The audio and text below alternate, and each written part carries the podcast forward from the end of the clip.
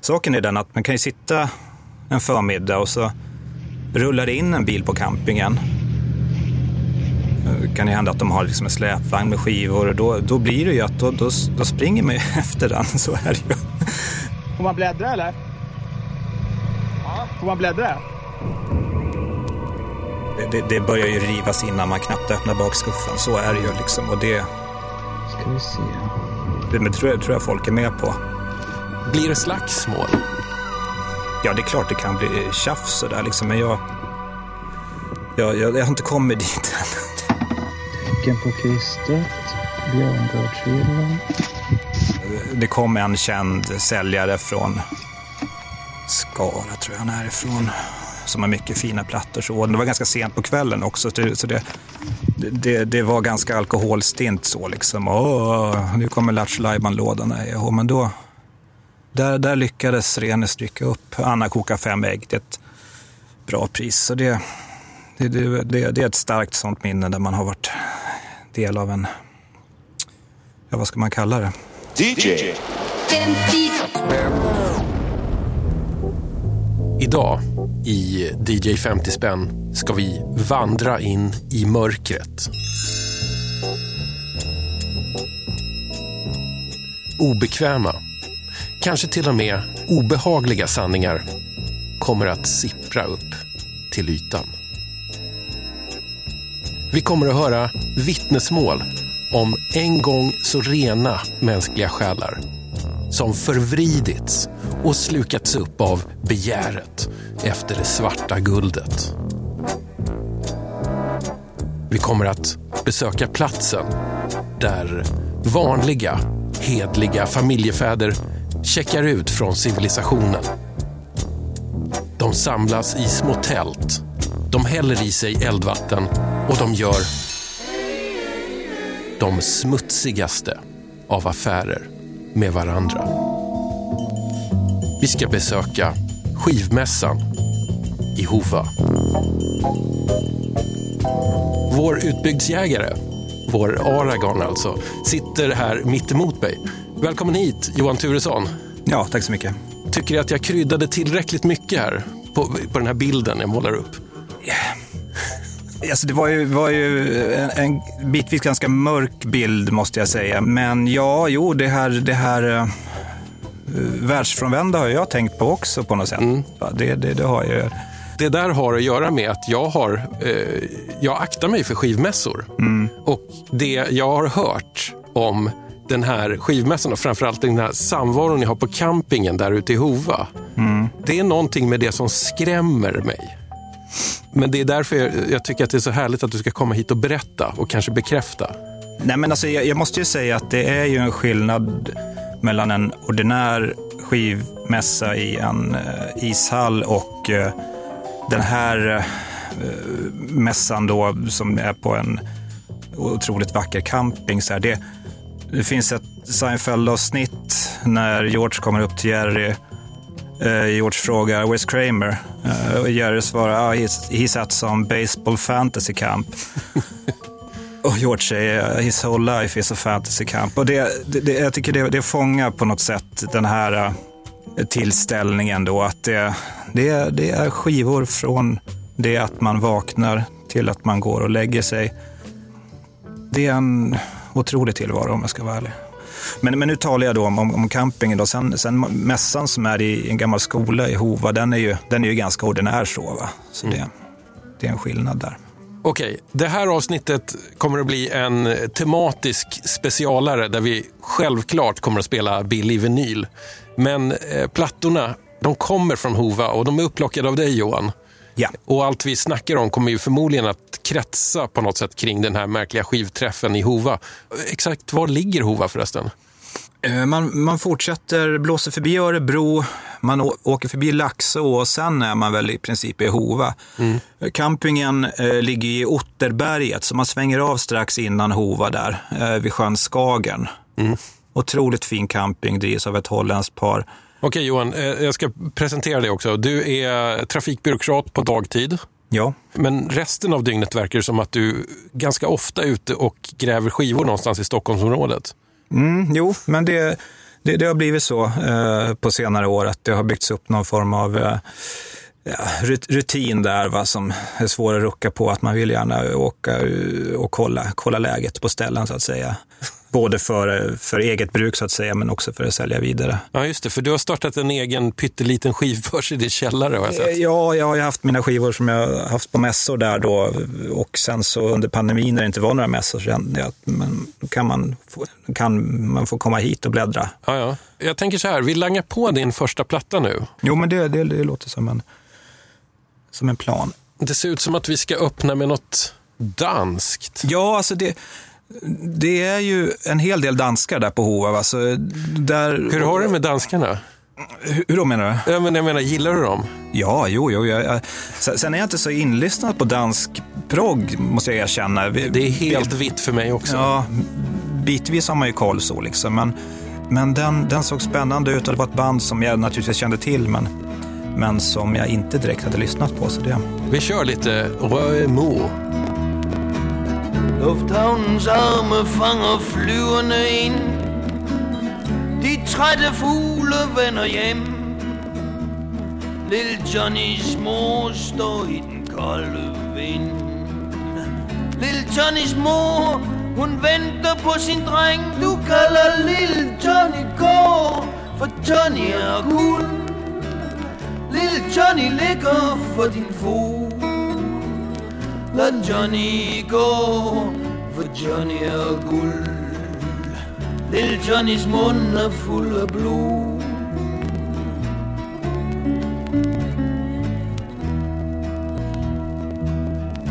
Sølv i himlen, sølv i himlens blå. Mors lille Johnny er bo. Maskinen lander, den lander sin tungt.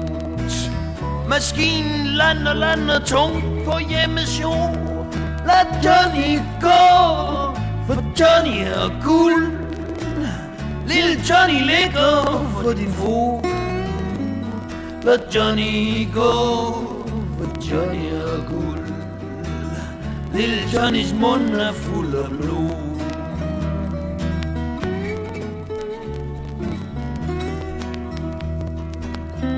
Jetmotoren stanser, vinden er så kold. Terminalens lyde er stål. Fra lurene losser det kisten ud. Mors lille Johnny, Johnny går i mål. Du kalder lille Johnny går, for Johnny er guld. Lille Johnny ligger for din fod. Let Johnny gå, Johnny er guld. Lill Johnnys mun är full av blod.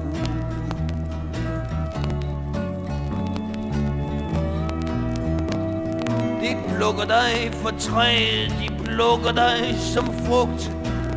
Hænger dig i vinden som en fugl. De skyder, mens du løber, lille Johnny, de skyder dig i flugt. Lille Johnny, de skyder, mens du løber, løber mod dit skjul. Lad Johnny gå, for Johnny er guld. Lille Johnny ligger for din fod. Lad Johnny gå, for Johnny er guld. Lille Johnnys mund er fuld af.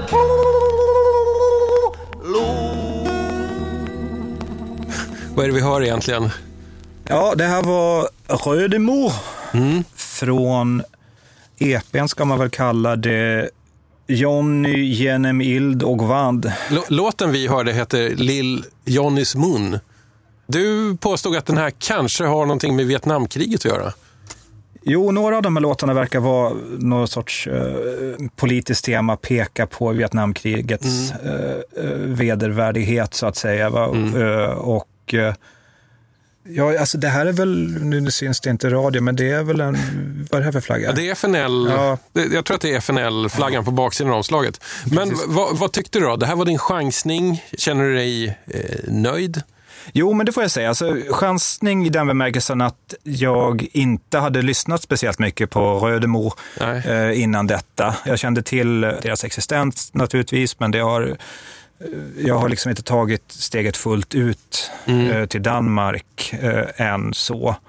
Och de ligger då på bolaget Demos. Och det här är ju Demos första släpp tror jag, från 1970. Alltså Eh. dansk prog är, eh, alltså för mig är det, det är fullkomligt blankt. Mm. Jag, jag vet nog ingenting om det. Det finns mycket att hämta där. Och jag menar, det fanns ett bolag som heter Spectator Records som jag har tolkat det lite så var, var Danmarks Silence kan man väl säga.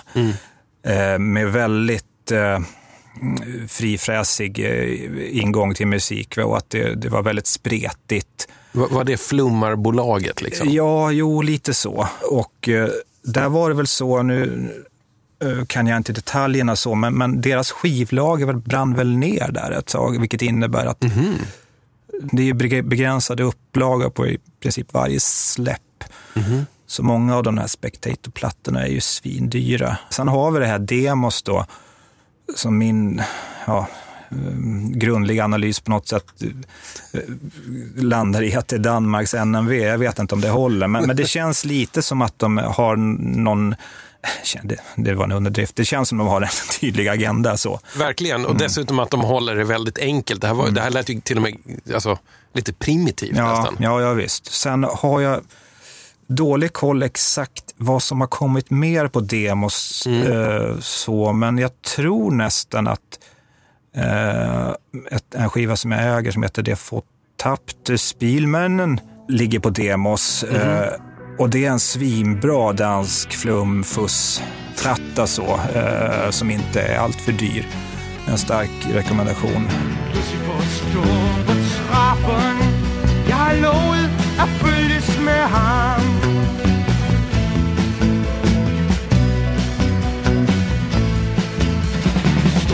Bomben är under kappen Men jag skolar dem i gräskan man blir ju nyfiken på något sätt om det fanns den här eh, diskussionen där också. eh, Gällande medvetenhet, om man sålde ut sig, om man medverkade Ja, på... ja. Jag, jag har tänkt på det där. Jag, jag, får, jag får ju känslan att det inte var lika laddat i Danmark. Att det var eh, lite skitsamma där vilket bolag man låg på. Utan det var, Mm. det var ambitionen som var styrande på något sätt. Men det, det är bara en känsla jag har. Ja, just det. Men eh, alltså, vad fick du ge för den här EPn? Är det här liksom rare stuff? Rödemo är väl sällan speciellt dyra, tror jag. Det går väl att hitta deras album för kring 100-lappen. Så den här gav jag nog 15-20 spänn för kanske. Ja. Nej, den, den var fin. Den får, kommer få stå kvar i, i danskhyllan så att säga. Va? Det, Har en dansk sektion? ja, jag, har, jag har en... Ska vi börja prata sektioner? Eh, eh, Alltså, eh, alltså jag har... Ja. Nej, jag är på väg att inrätta en dansk sektion. Jag har haft en så här nordisk som, som börjar bli för stor. Ja, jo, men jag har en Eh, nordisk också. Jag har dock inte så mycket dans, men om jag hittar skivor från så här Västerbro fritidsgård. Det finns flera stycken där barnen på fritidsgården har fått göra skivor. Ja. Så köper jag dem, för de har någonting fint. Jeg kan tæske alt og alle i dette land Jeg frygter hverken Gud eller julemand Hvis nogen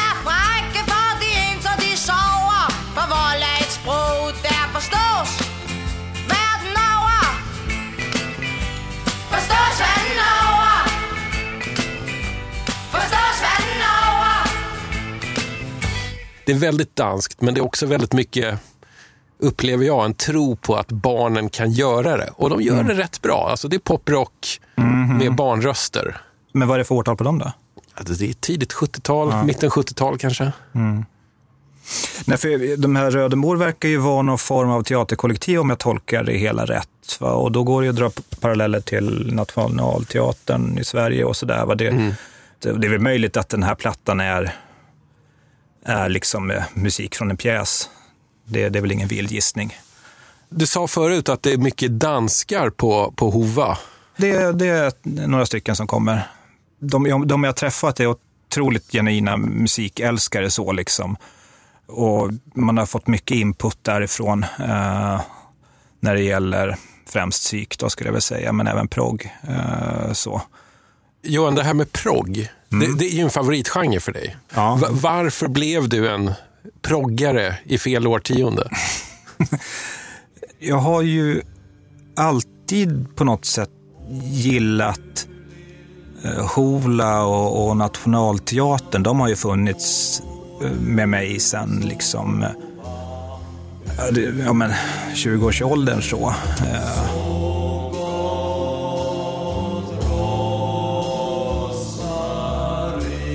Ja, nej, men jag fick höra Sov gott Rosmarie för, ja, det är väl 15 år sedan kanske. Eh, För första gången och då förstod jag ju så att säga att det fanns mer att hämta när det gällde svensk progg. Det var ju en otrolig eh, ögonöppnare. Det är ju en fantastisk platta och jag, jag håller den otroligt högt. Och, ja, det är inte progg renodlad utan den är ju, den är ju väldigt psykig såklart. Men, men det var ju ändå grogrunden för Trädgräs och stenar och det som skulle komma med det. Va? Den eh, fick mig att börja utforska det där mer och det finns ju otroligt mycket att lägga pengar på, vill jag på att säga. Det, vissa svenska proggskivor är ju internationellt eftertraktade och naturligtvis då väldigt dyra. Men jag kan säga också, jag såg ju den där, det var ju någon proggdokumentär där tidigt 2000-tal som jag vet jag kollade på. Mm. Och när, de visar liksom klipp med boande som står och kokar korngryn. Det, det är något otroligt lockande i det. Liksom.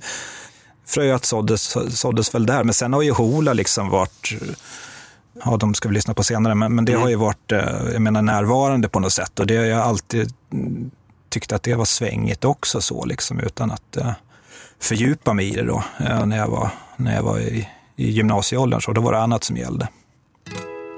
Hörru, ska vi hoppa vidare till eh, Random Access Vinyl? Ja, Jag ser den här med ett väldigt tummat omslag, men det är en kär eh, syn för mig i alla fall. ja, Jag möter den här gubben ganska ofta i backarna. jo precis. Så är det. Klarblå himmel En doft av barr Visar vägen till stunder som jag spar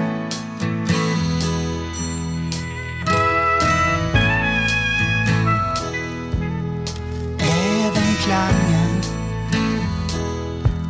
av melankoli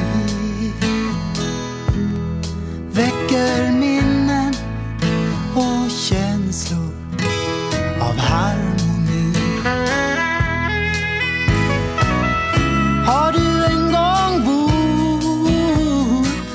Sett hur det kan vara? Du sett blomstrande hängar omkring dig varje dag då kan du inte lära dig leva i en storstad när du vet vad du har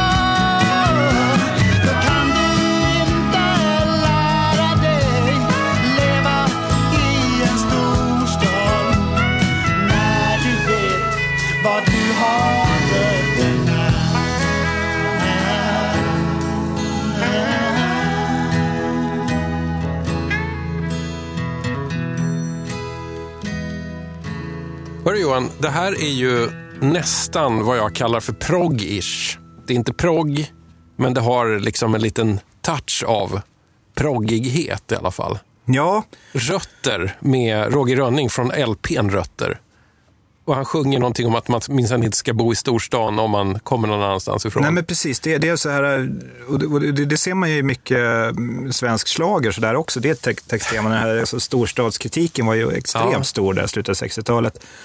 Eh, In på, på 70-talet. Så Ja. det här är ju ändå 77, alltså det, det lever ju kvar. Det är sju år efter Almarna. Och, och är det konstigt att man längtar bort någon gång och så vidare. De, Lyckliga gatan och 34 och allting. Men, men jag tänkte på det när jag lyssnade på plattan också, att det är otroligt mycket Crosby, Stills, Nash Young. Ja. Och det finns så mycket svenskt som låter. Alltså de måste ju ha haft ett otroligt inflytande. Men just den här låten lät lite, jag vet inte om man ska, man behöver liksom inte kategorisera den, men den lät lite egen på något sätt. så Och eh, tydligt texttema och eh, längtan till vidderna så att säga. Ja, Jag, jag blev nästan lite rörd här, för att eh, alltså, Roger Rönning var en sån här artist som figurerade precis i början av DJ 50 spänn för ungefär tio år sedan. Då eh, kom det någon Roger Rönning-platta upp i något av de allra första avsnitten. Jag minns hur vi var liksom så här lite blown away över att det lät så bra. Ja. Hur kan svensk musik låta så här bra, tänkte vi.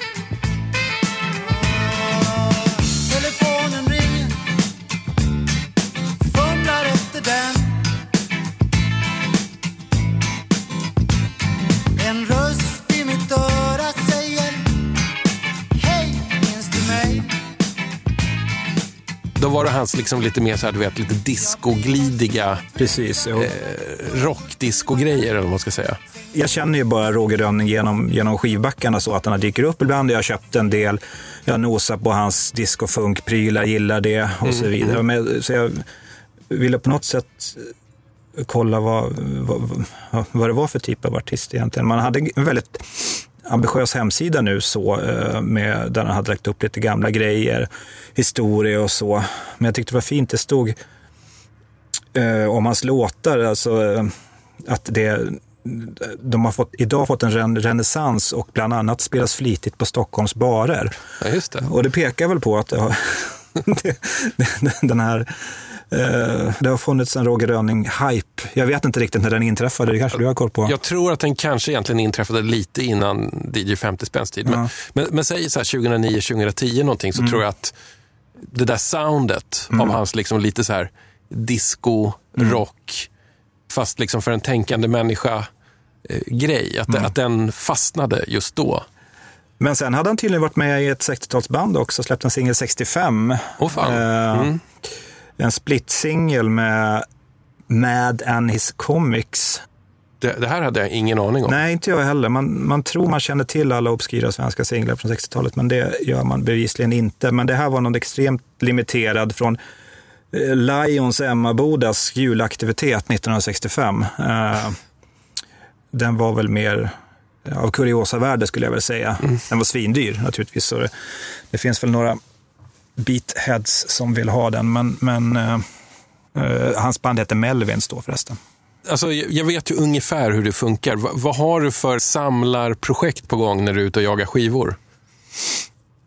Ja, på tal om mörker så... Ja, ut med det nu. D- Dansband har ju kommit på senare år, så liksom. Eh, Men, men då köper jag ju inte dansband rakt av, utan det ska vara en viss... Det ska ju helst vara att det finns någon utflippad låt på, på, på plattan, så att säga. Va? Så kriterierna är det ska finnas en utflippad låt eller så ska de ha liksom en, en knullig framtoning på omslaget. Då får de också komma med. Eller en, en eh, felplacerad hund också. Och jag börjar tycka det är roligt med, när det är hundar med på omslag. Fan, det har jag inte tänkt på. Men det, ja, Det, fin, det, finns några det finns. sådana. Mm. Eh, När man liksom känner att hunden undrar vad den gör där. Men sen, ja, nej, jag köper jättemycket eh, Jesus-musik av olika slag. Både sånt som svänger och sånt som är, är primitiv. och eh, där, där har man ju gjort många chansningar och där försöker jag begränsa mig också, va, så att det inte slutar som för vissa andra, eh, inga namn nämna, men, men det, det, det är otroligt kul och det, det har ju någon sorts beröringspunkt med proggen också kan jag tycka när det är den här, äh, ja men det, det, är, no, det är folkrörelsebetonat eller vad man ska säga. Va? Eh, så. Och det där kan ju vara väldigt lokalt också. Liksom. Eh, Någonting från börsen helt enkelt. Precis. Har ju någon drömprojekt om att åka till Småland och gräva Jesus, men det får se om det blir av. Nej, men sen överlag skulle jag väl säga att, att alltså, allt från det svenska 70-talet som ser spännande ut köper jag. Så är det. Och, det. och det finns ju jättemycket kul där att upptäcka. Både inom schlagerfåran och men även mainstream-poppen och sådär liksom. Men varför gillar du 70-tal? Jag vet inte, jag är född 80, men jag gissar väl... Jag har tänkt mycket på det här med nostalgi, men alltså det är väl någon trygghet man söker i det. Som en eh, varm filt gentemot den onda samtiden, eh, om man ska överdriva. Men, men lite så är det nog, att, att eh, estetiken och, och, och musiken är någonting som slår an ens barndom. så. För min del så är det bara så att nu, nu är jag tillräckligt gammal och hört tillräckligt mycket för att kunna liksom med säkerhet hävda att jag själv tycker att 70-talet låter allra bäst. Och jag hör det i många olika sorters musik som egentligen inte har med varandra att göra. Alltså större delen av det som jag chansar på är ju ja, 70-tal egentligen. Jo, visst. Gärna svenskt 70-tal för att det också känns som att det fanns en så här, äh, vad fan, vi gör en skiva-anda. Det var ju många män som fick släppa en platta på ett halvstora, halvstora bolag i Sverige på 70-talet. Eh, Och så undrar man vart har de här männen tagit vägen nu? Och, och, men, men vissa av de där låter ju väldigt bra så. Den här, till exempel Robert, Robert Barklund, Barkbitar. Jag vet inte om den har varit med i det här. Nej, den har aldrig dykt upp, men, men det är en sån platta som ibland dyker upp på loppis. Och så tänker man så här, vem är det här? Död natur samlas i en väldig mur sluter upp i kampen för sitt bröd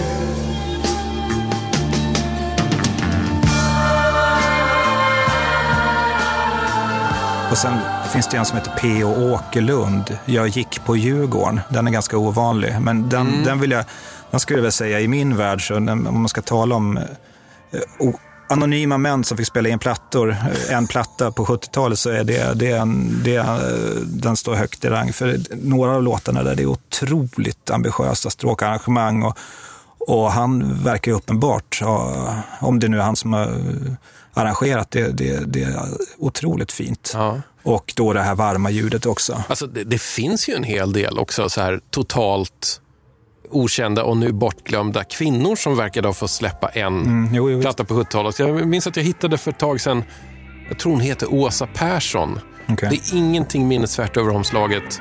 Det är ingenting som skvallrar om att det här är något spektakulärt. Man lyssnar på det, det låter ganska bra.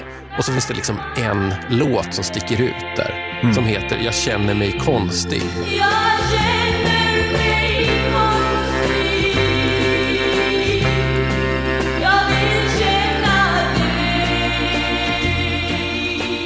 Och sen har hon bara så här checkat ut ur musikhistorien. Ja, just. Vart tog hon vägen? Ja. På något sätt så var det lite som att de räknade med att det fanns en marknad för även skivor som inte ens hade en tydlig avsändare eller marknadsplan. Nej, nej, visst. Om jag ska gå tillbaka till Roger Rönning så när jag satt och lyssnade på den här tänkte jag, jag kände igen den här Rötter och då kom jag på att den finns ju med på skivan Morgon efter regn av Kerstin från typ 79. Där hon gör en version av den som Ja, eh, nu har vi pratat varmt om men jag skulle nästan säga att, att hennes version tar ett, ett steg till faktiskt, för den, den är otroligt vacker. Och det, det är ganska vanligt i Kronors skiva. Har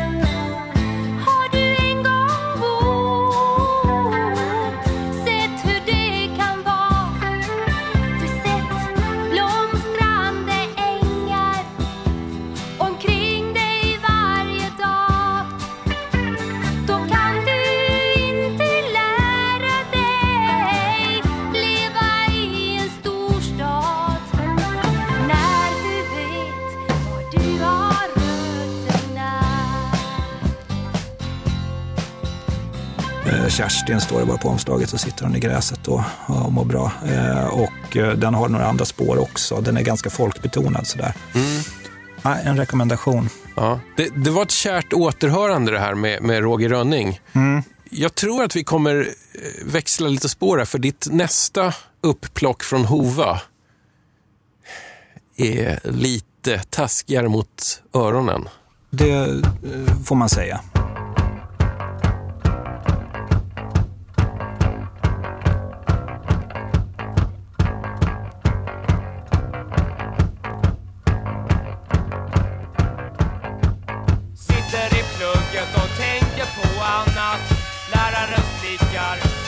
Så förbannat Tar mig samman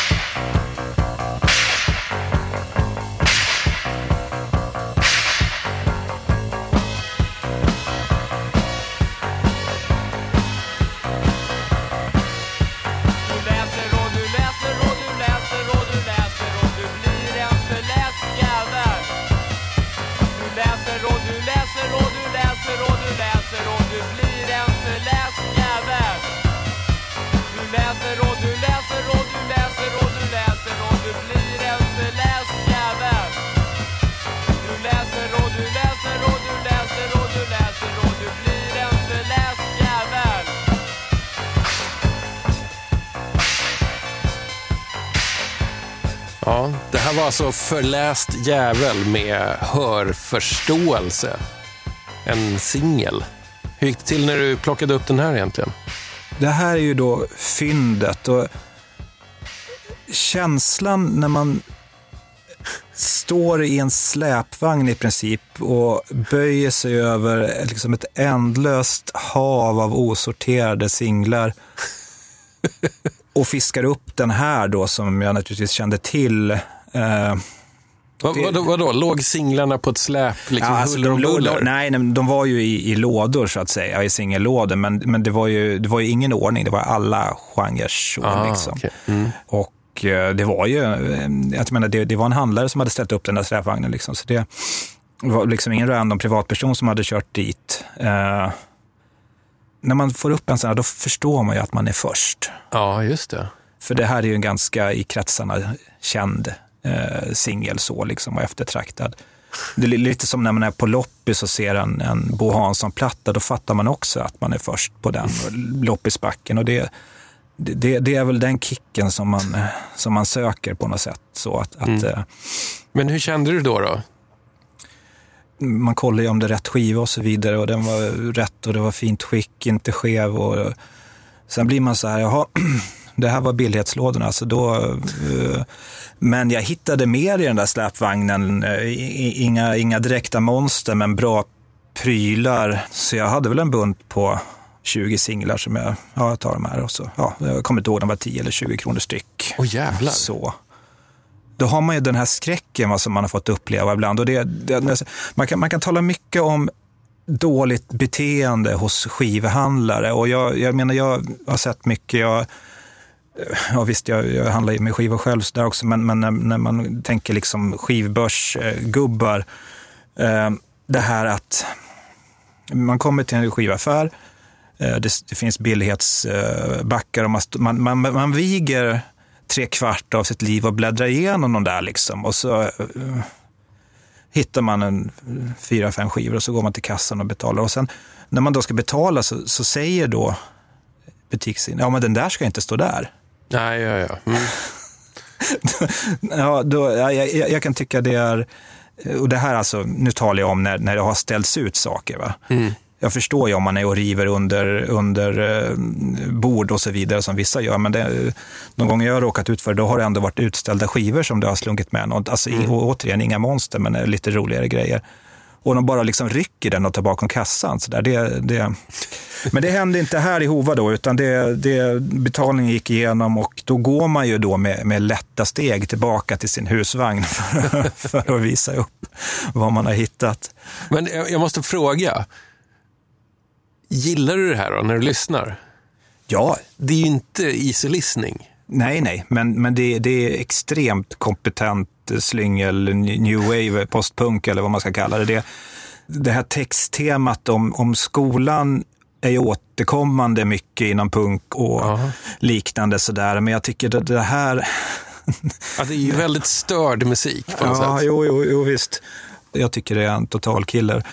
Alltså fraseringarna när han, när han sjunger jä, jävel på något, jag vet inte om det är något dialektalt eller det, det, det låter väldigt på riktigt på något sätt. Ja. Eh, Nej. Mm. men det, alltså, det är ju äkta och det känns ju som att de larvar egentligen inte runt, även om det låter eh, bitvis. Mm. Eh, För, vanliga öron låter det ju för jävligt. Ja, Den här basen, de här fula syntarna, Mm. de extremt otajta trumfilsen. Mm. Det har ju faktiskt gjorts en, eh, sjukt nog, en Tom Arland-dokumentär om det här bandet. Och då, den filmen heter något sånt här, Sämsta bandet ever. ja men precis. Är det inte rätt modigt att gå upp på scenen och, och veta att man inte kan sjunga och ändå sjunger man? Ja, det var... Det var jag, jag tror att jag haft nytta av det livet också. Att, eh, att eh, just att ställa mig upp på scen och ta den risken på något sätt. Va? Och dölja okunskapen? Mm. Jag hade faktiskt inte sett den innan jag hittade den här skivan. För jag eh, tänkte lite så att ibland blir det liksom eh, någon distansering och att det ska vara något kuriosavärde i det här som var väldigt på riktigt. Men sen kollade jag på den, det var en otroligt fin film med vad heter det, långa intervjuer med de som var med, men själva han som var drivande i bandet verkar ju, han hade väl gått bort eh, för en tiotal år sedan eller så. Jag förstår, han var väl lite äldre än de andra och jag fick ju bilden av att han var ju någon form av chefsideolog där och hade väldigt tydlig ambition och det, det gör ju det hela ännu mer coolare på något sätt. Och sen omslaget då eh, med Anton LaVey och Ja, just det. Det är det det är på omslaget här. Ja, som- Det är liksom ett, ett, eh, svartvit bild på omslaget. Så, så röd text. Billigast tänkbara tryck ser det ut som. Ja. Ja, det är Anton LaVey, eh, överste präst i Church of Satan. Det har jag inte tänkt på, men det, han är ju en jävel som sitter där Ja. med en bok. Precis. Ja. Man jobbar med tydlighet här.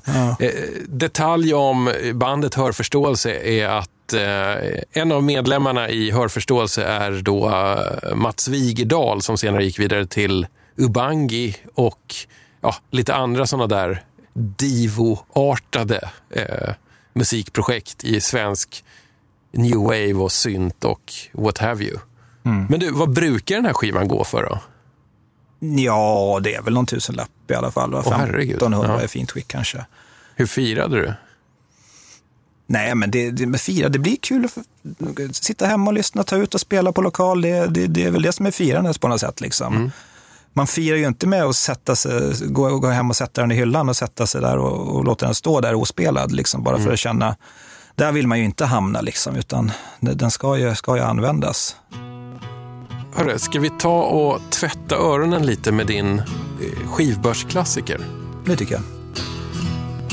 Nu snackar vi bred, härlig mainstream här. Ja. Även om jag aldrig har sett den här singeln förut.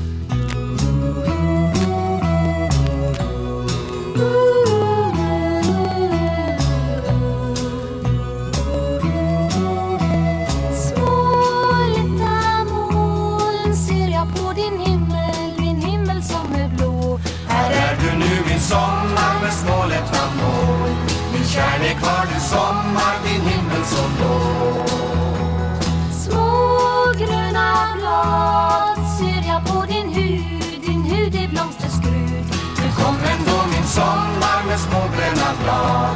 Du får en sång min sommar, du väckte min stad. Sommarvind som en hintag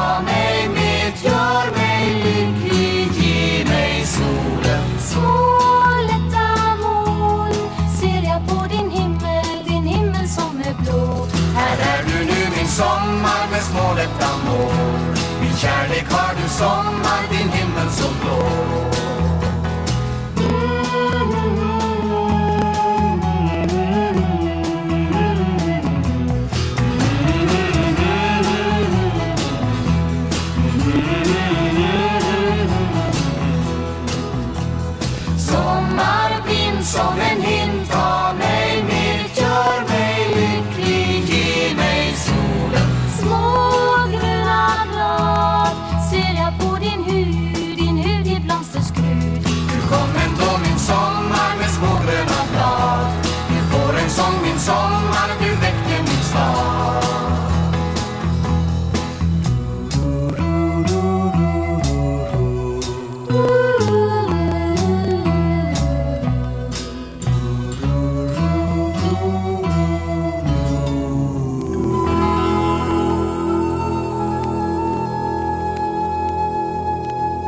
Det var Family Four med eh, små lätta moln, ursprungligen av Pugh Rogefeldt.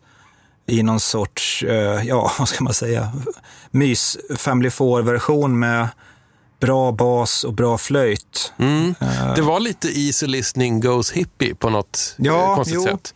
Samtidigt, den här har lite driv. Alltså mer än Pugs tycker jag. Jävligt Ja, bra version. Ja, men precis. Jag menar, grundarrangemanget lever kvar på något sätt, men, men det, ja, det, ja, nej, det är en otroligt eh, stark låt från början och, och här, eh, ja, det, jag ska ju inte säga att den är bättre än originalet, men alltså i, i, den står väl vid sidan på något sätt, kan jag tycka. Vilken upplaga av Family Four är vi inne här i nu? Jag tror det finns eh, universitetskurser kring eh, Family Fours olika konstellationer. Men om jag, den här kom 69 Ja, just det. och då förstått det som att det då är Inger Öst, Robert Palm och Mona Telme Ja. och naturligtvis då Bernt Öst. Ja, just det. Men, men ingen Pierre Isaksson här? Nej, eh, han kom väl med eh, lite senare. Och ingen Marie Bergman? Nej, exakt. Eh, De var ju med eh, under första halvan av 70-talet. Mm.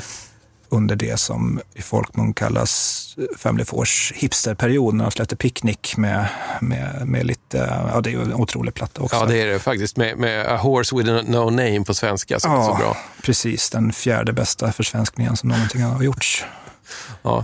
Ja, jag, jag försökte kolla på omslaget här på Små lätta eh, Den, den enda jag faktiskt kan identifiera är nog Bernt Öst. Ja, Ska vi prata lite om eh, Bernt Öst? Det är alltså den seniora brillhöken i, i Family Four som på något sätt var med hela Family Four. ja precis. Han var liksom chef. Han var vd i Family Four kan man Ja, säga. sammankallande. och eh, nej, jag, jag, kan inte låta bli att reflektera kring att han såg ju likadan ut i hela sitt liv i princip. Mm. Nu vet jag inte hur han såg ut som barn, men, men jag menar från de första Family Four-skivorna eh, fram till, han gick ju bort här för, eh, jag tror det var två, tre år sedan va? Han är ju från min hemby också. Han är född i Alfta om jag inte minns helt fel, eller har bott där i alla fall. Ja, just det. Nu har vi den här Hälsingland-connectionen. här Ja, men precis. Mm. Jo, jo. Eh, Men har, har du koll någonting på, på den här mäktiga musikklanen Öst? Det är väldigt många östar i musiken. Mm. det, det, det känns som, det, det, där, det där försöker man lära sig en gång var tredje år och sen så glömmer man bort det och så måste man lära sig det igen, liksom, hur allt hänger ihop. Men Mm. menar, det här är väl inte direkt i spelmanssläkten eh, med Erik och så vidare, utan det är väl någon eh, mosters eh, och så vidare. Va? De hänger ihop på något sätt. Ja, ja, jag, visst, jag minns det här från att eh, Po Tidholm var här för ett halvår sedan eller kanske lite mer. Mm. Eh, och då hade jag faktiskt ritat upp ett släktträd. Ja, Och jag satt och höll i det medan vi pratade. Och sen kom jag Då på blir det att, lätt när man har det framför sig. Jo, jo, men samtidigt var det så att jag kan inte förmedla det här i ord så att det hänger ihop. Nej. Det är liksom för förgrenat det här Ja, jag släktnätverket. Mm. Men jag fick lite så här, du vet, eh, maffia-vibbar av det. Mm, ja. Att, att de var, jag fick bilden någonstans att de vid något tillfälle, kanske under 70-talet, så hade de infiltrerat hela den svenska musikindustrin. Och då inte bara pop och schlager, utan liksom allt. ja, jo. De drar sig in i Jesus och folkmusik också. Mm. Någon höll på med jazz. Po påsåg att det fanns en östättling som spelade punk. Så, Okej. så att det, det, på något sätt så, så verkar som att det har funnits en öst-connection i varje del av musikbranschen. Vid något tillfälle i alla fall. Ja, ja visst. Jo. Sen gissar jag väl att Bernt var verksam i Stockholm så medans, medans eh, Anna och, och, och eh, de höll väl till uppe i Hälsingland, Edsbyn och, och Alfta tror jag. Jag har forskat i det där men jag har glömt bort det. Eh, men eh, de är del av mycket. Men du, eh, beskriv lite hur det var när du plockade upp den här då. Det, alltså Family Four, om man ska tala skivbörsklassikern, alltså de finns ju i, i varenda loppisback skulle jag, alltså inte varenda, men, Men, ni- 97 procent ja, av de ofta. loppisbackar Mm. som man ser står en Family Four-skiva från 60-talet eller 70-talet. Det är ju otroligt vän musik. Mm. Totala antitesen till uh, hörförståelse och det kan jag tycka är någon trygghet i den här snälla stämsången så att mår man dåligt en söndag så kan man dra på en Family Four-platta så känns saker och ting bättre. Det är lite solsken ingraverat på plast. Det, det får man säga. Nu när du beskriver så här så, jag, så känns det lite som att de är i den här hittepå-subgenren. Det låter som kristet utan att vara kristet. det finns någonting lite lätt frälst och så här frikyrkovänligt i det. Jo, jo, så är det. Och jag märkte att den genren finns fortfarande. Jag gick och köpte Dina ögons senaste och lyssnade på den och tänkte så här, varför låter det så bekant? Vad är det här? Och sen efter ett tag så var det någon låt som var så här, men det här är ju Jesus-pop utan att de sjunger om Jesus. Jag gillar också Dina ögon. Väldigt trösterik musik på något sätt, måste jag säga. Ja. Och inbjudande och värmande. Eh, så. Sen var väl inte Family Four speciellt funkiga som dina ögon är ibland. så liksom. Men, Nej, men, men, men, men jag förstår anslaget. Att det, Nej, men de, de, alltså, Dina ögon har några låtar som är...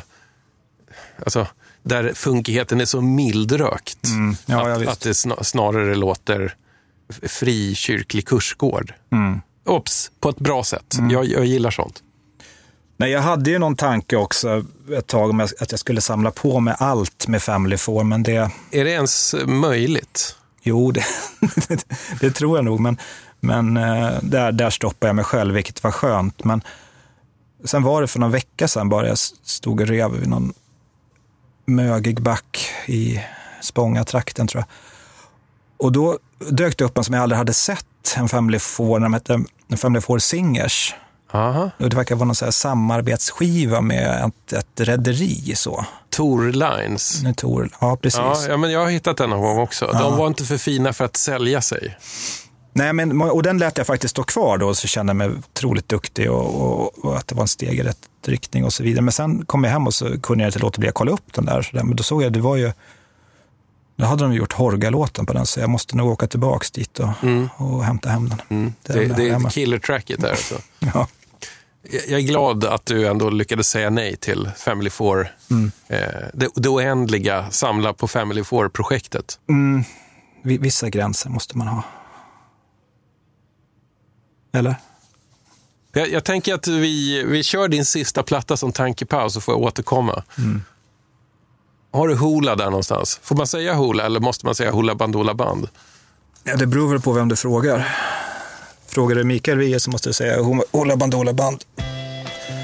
Frågar du Thomas Wiehe så räcker det nog med att säga Hoola.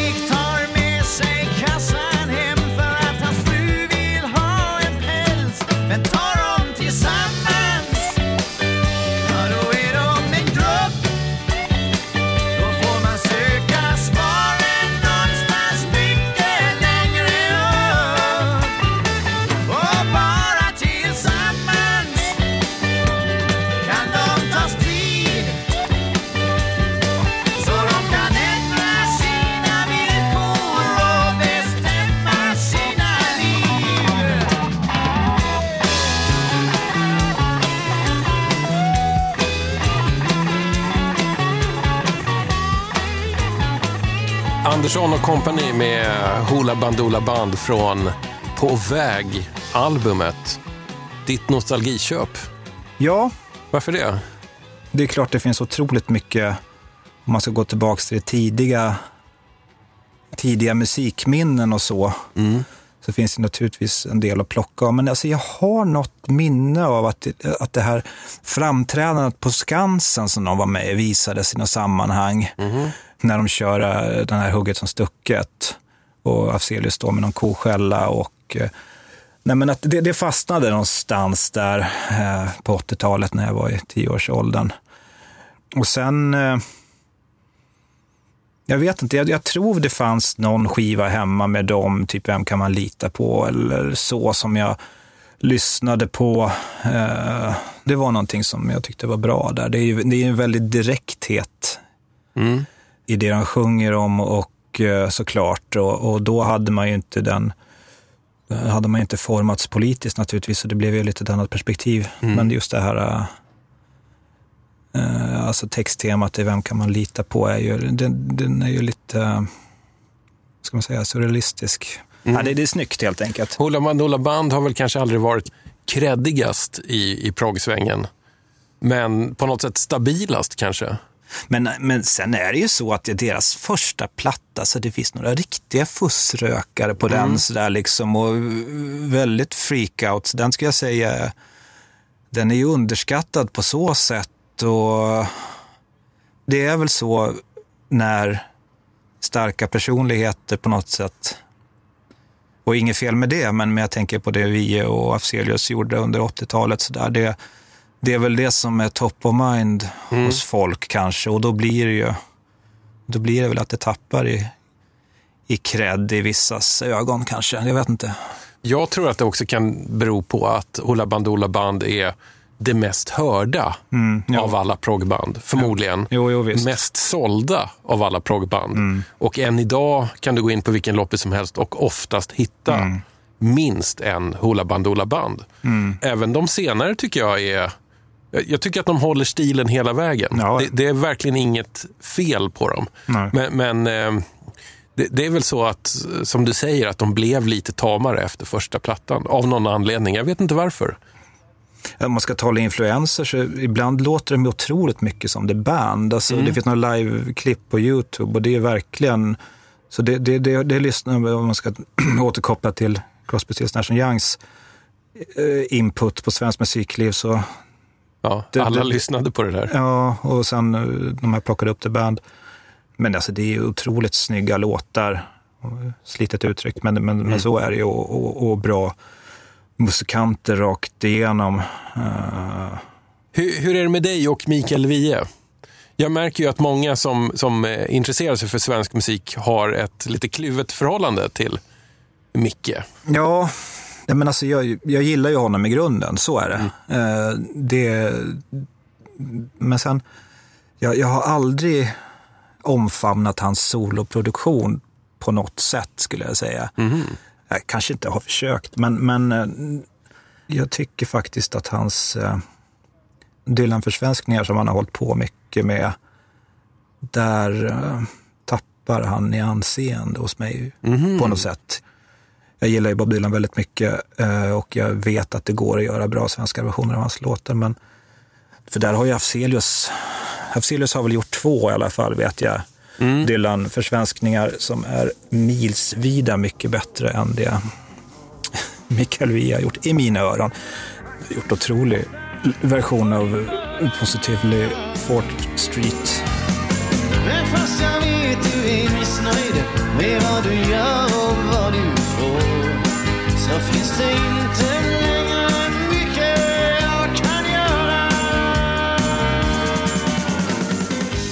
Det finns på någon av, av de här Wiehes liksom 80-talsgrejerna så finns det någon så här eh, läskigt aggressiv baktaktssynt Ja. All along the watchtower på svenska som jag ändå på något sätt gillar. Den är så iskall.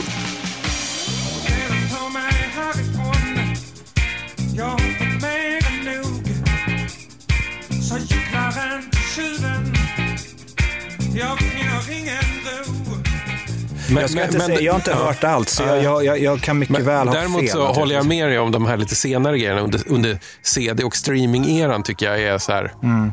ja, jag, behöver inte lyssna på dem. De är säkert fina för många andra. Mm. Jag brukar ofta fråga den här Micke Wiehe-frågan bara för att jag vet att det är någonting som är eh, det är någonting med, med Mikael Wiehe som, som verkar störa eh, musikintresserade. Jag tycker Mm. att det är intressant att komma underfund med vad det är. Mm.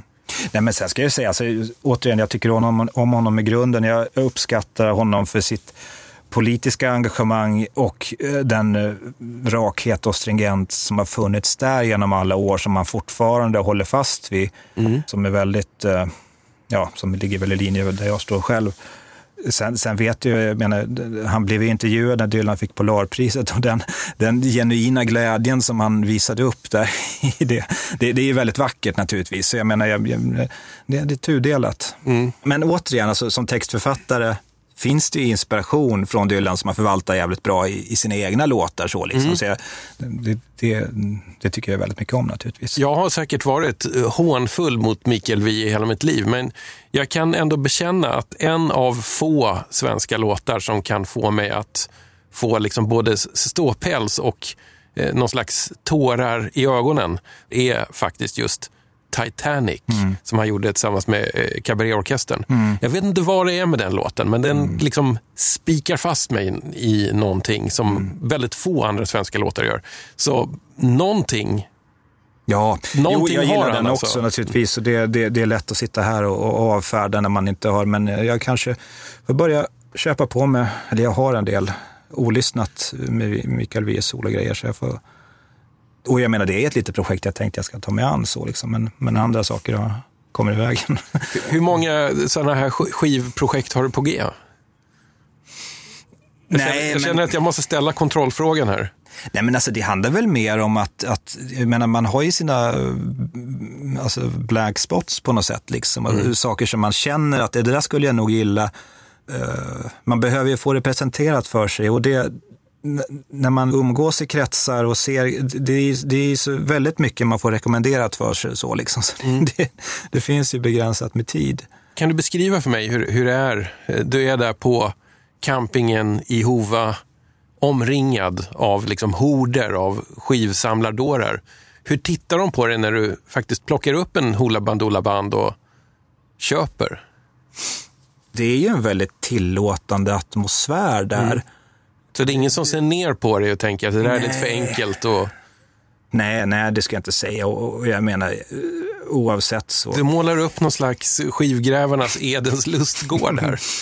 Jo, jo, men så är det ju. Det, Ja. det, Men du, jag har ändå, någon gång har jag ändå snappat upp att det, att det går lite överstyr ändå. Att det blir lite, vad ska vi säga, lite övertänt. Nej, men jag, jag, som sagt, jag, jag har inte varit där i så många år, men eh, en av de som jag reser med är Stefan Dimle, tidigare gäst här.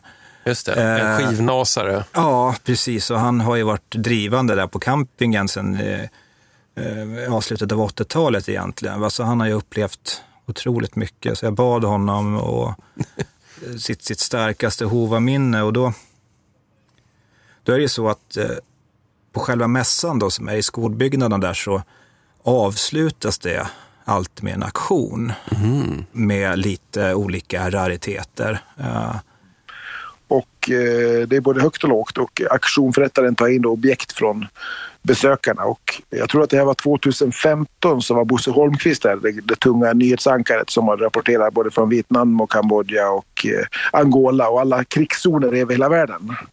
Han hade lämnat in Doris eh, Svensson-plattan Did you give the world some love today baby på auktion. Och eh, ja, han sa att den var fin och auktionsförrättaren sa att den var fin och den som eh, vann auktionen då på cirka 5 000 kronor han tog ner den här plattan från väggen och så skulle jag titta och så fick han se att det här var ju inte alls mint eller fint skick. Så då, då blev han upprörd och klagade hos auktionsförrättaren som i sin tur klagade till, till Bosse. Och eftersom Bosse har varit med då både Angola och Kambodja och, och Nicaragua och överallt så kände jag att den här striden orkar jag inte ta, tänkte han. Så då, och jag hade packat ut i bilen så jag satt på parkeringen så, så Bosse kommer springande då först av alla. Efter honom har vinnaren och sen har du då de, de som hade, låg tvåa, trea, fyra i budgivningen. Alla sprang efter honom och sen gjorde han det här tecknet, vevade ner rutan-tecknet med snurrande med fingret i luften. Och jag vevade ner rutan och, och in som en frisbee singlade han in Doris-platta i mitt fönster så skrek han bara kör, kör, kör! Och jag tryckte då gaspedalen i botten och körde. Och i backspegeln såg jag då alla förgrymmade Doris-fans som stod där och, och tittade hur Doris-skivan försvann bort i horisonten. Så det, var, det, det är mitt, mitt kanske roligaste minne från aktionerna i Hova. Och, och just att det var sån proveniens med tanke på att Bosse Holmqvist då, som har varit sett alla krig i världen fick då genomlida kanske den största striden av alla i Hova då när han hade lämnat in en Doris-platta som inte var mint. Vad hände sen med skivan? Ja, den eh, fick jag faktiskt, så det, var ju, det, var ju, det var ju lite win-win där. Men, men, eh, Det, här var alltså då på mässan. Då. Det här, det här eh, var ju, hände, har inte hänt på campingen. Det, det är en viss skillnad där. Alltså, Mm. det, det är det jag vill understryka och det är det jag tycker är så fint att förmedla. Att det, är- det, det är inte samma hets där på campingen, när, när, Mm. utan det, det, det har sin lilla lunk. Och det, det, det är någonting annat än en ordinär skivmässa eller en ordinär Mm. Men- auktion. Liksom, kryper ni in i varandras tält och husvagnar och groggar tillsammans och ja, jo. flashar era fynd och sådär? Jo, men det är ju stugmys och så. Va? Det, det är ju några järngäng som verkar ha varit där otroligt länge. Va? Mm. Eh, och eh, jag, jag såg någon gång en man som, ja, jag ska gissa att han var mm, 80 plus, gick runt mellan borden och så hade han en handskriven lapp med ett, eh, vad jag förstod sen var ett matrisnummer då. Han gick fram till säljaren som jag stod bredvid då och, och visade den här lappen. Och så, har du den här jävla Elvisen eller? Eh, och så var det väl något, eh, gissningsvis ett matrisnummer på någon US-press på en 7 eller någonting. Då. Jaha, jaha. Det var det sista skivan han hade kvar att hitta. Ja, och, och sen skulle samlingen vara komplett. Ja, jo, jo visst. Det var, det var något vackert i det på något sätt. Mm. Kan du se dig själv i, i den positionen om så här 30-35 år? Eh, ja, så är det väl eh, naturligtvis. Man har ju sina projekt och de, de kommer väl vara livslånga. Vilken är skivan som du eh, liksom ständigt jagar då? Vilken är din Moby Dick i skivbacken? Eh, Den jag alltid frågar om på samma sätt som den äldre mannen frågar efter sin Elvis-singel. Det är ju Raunch Flygmaskinen på Skam. Tycker jag är en otroligt cool singel som är... eh, Det är någon sorts light psykedelika, väldigt flippad på något sätt. Och naturligtvis extremt cool. Som en flygmaskin flyger du förbi över alla gröna ängar. Du har inte tid, vingen är så. Alla sover utan sängar.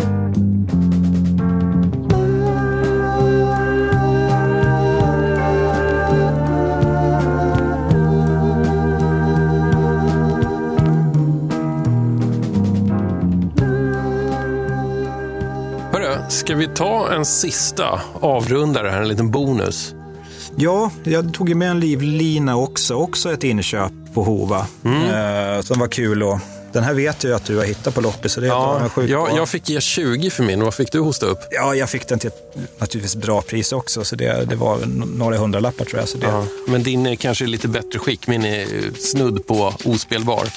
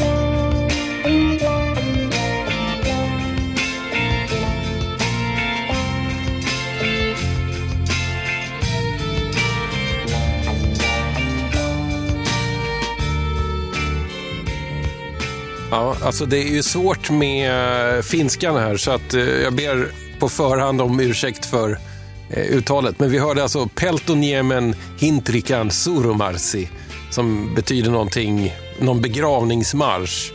Ja, någon, någon begravningsmarsch från någon, någon ort i Karelen tror jag. Ja. Eh, om jag förstod det hela rätt. Med då Karelia som är någon slags, jag fattar faktiskt inte riktigt, någon slags konceptuell folkduo, eh, sent 60-tal, tidigt 70-tal i Finland. Bestående av då eh, Paroni Pakunainen, som egentligen är jazz-saxofonist va? Mm. Och den här andra killen, jag tror, alltså han heter någonting annat på Karela-plattan, men han heter egentligen Edvard Vesala. Okej. Mm. Också eh, så här ganska känd musiker i sina kretsar i Finland. Mm. Hur var det att plocka upp den här? Den här har jag velat haft länge. så. Det, jag är väldigt svag för elektrifierad folkmusik. Eh, Kebnekaise är ett av mina absoluta favoritband. Samma sak med eh, Arbete och fritid, Trägräs och stenar. Eh, och det är väl inte lika mycket folkbeton, men de har ju några där. Och, och eh, det, det här är väl någon sorts eh, Finlands arbete fritid. Ja, det är ganska, just den här låten är ganska lik alltså. Man, man tänker ju på Leif med Pers gånglåt där som är första på Arbete och fritids tredje. Mm, Eh, Men det, det, det...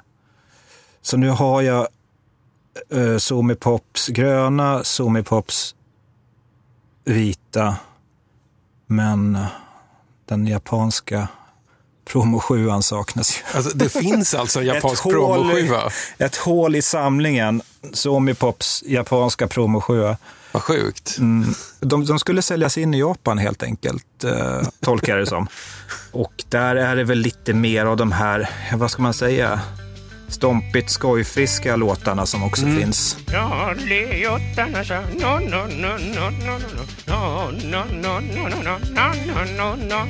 Ja, men de har ju det. Sen har de ju några låtar där, ja, det, där det blir liksom lite, lite väl fritt ibland. Mm.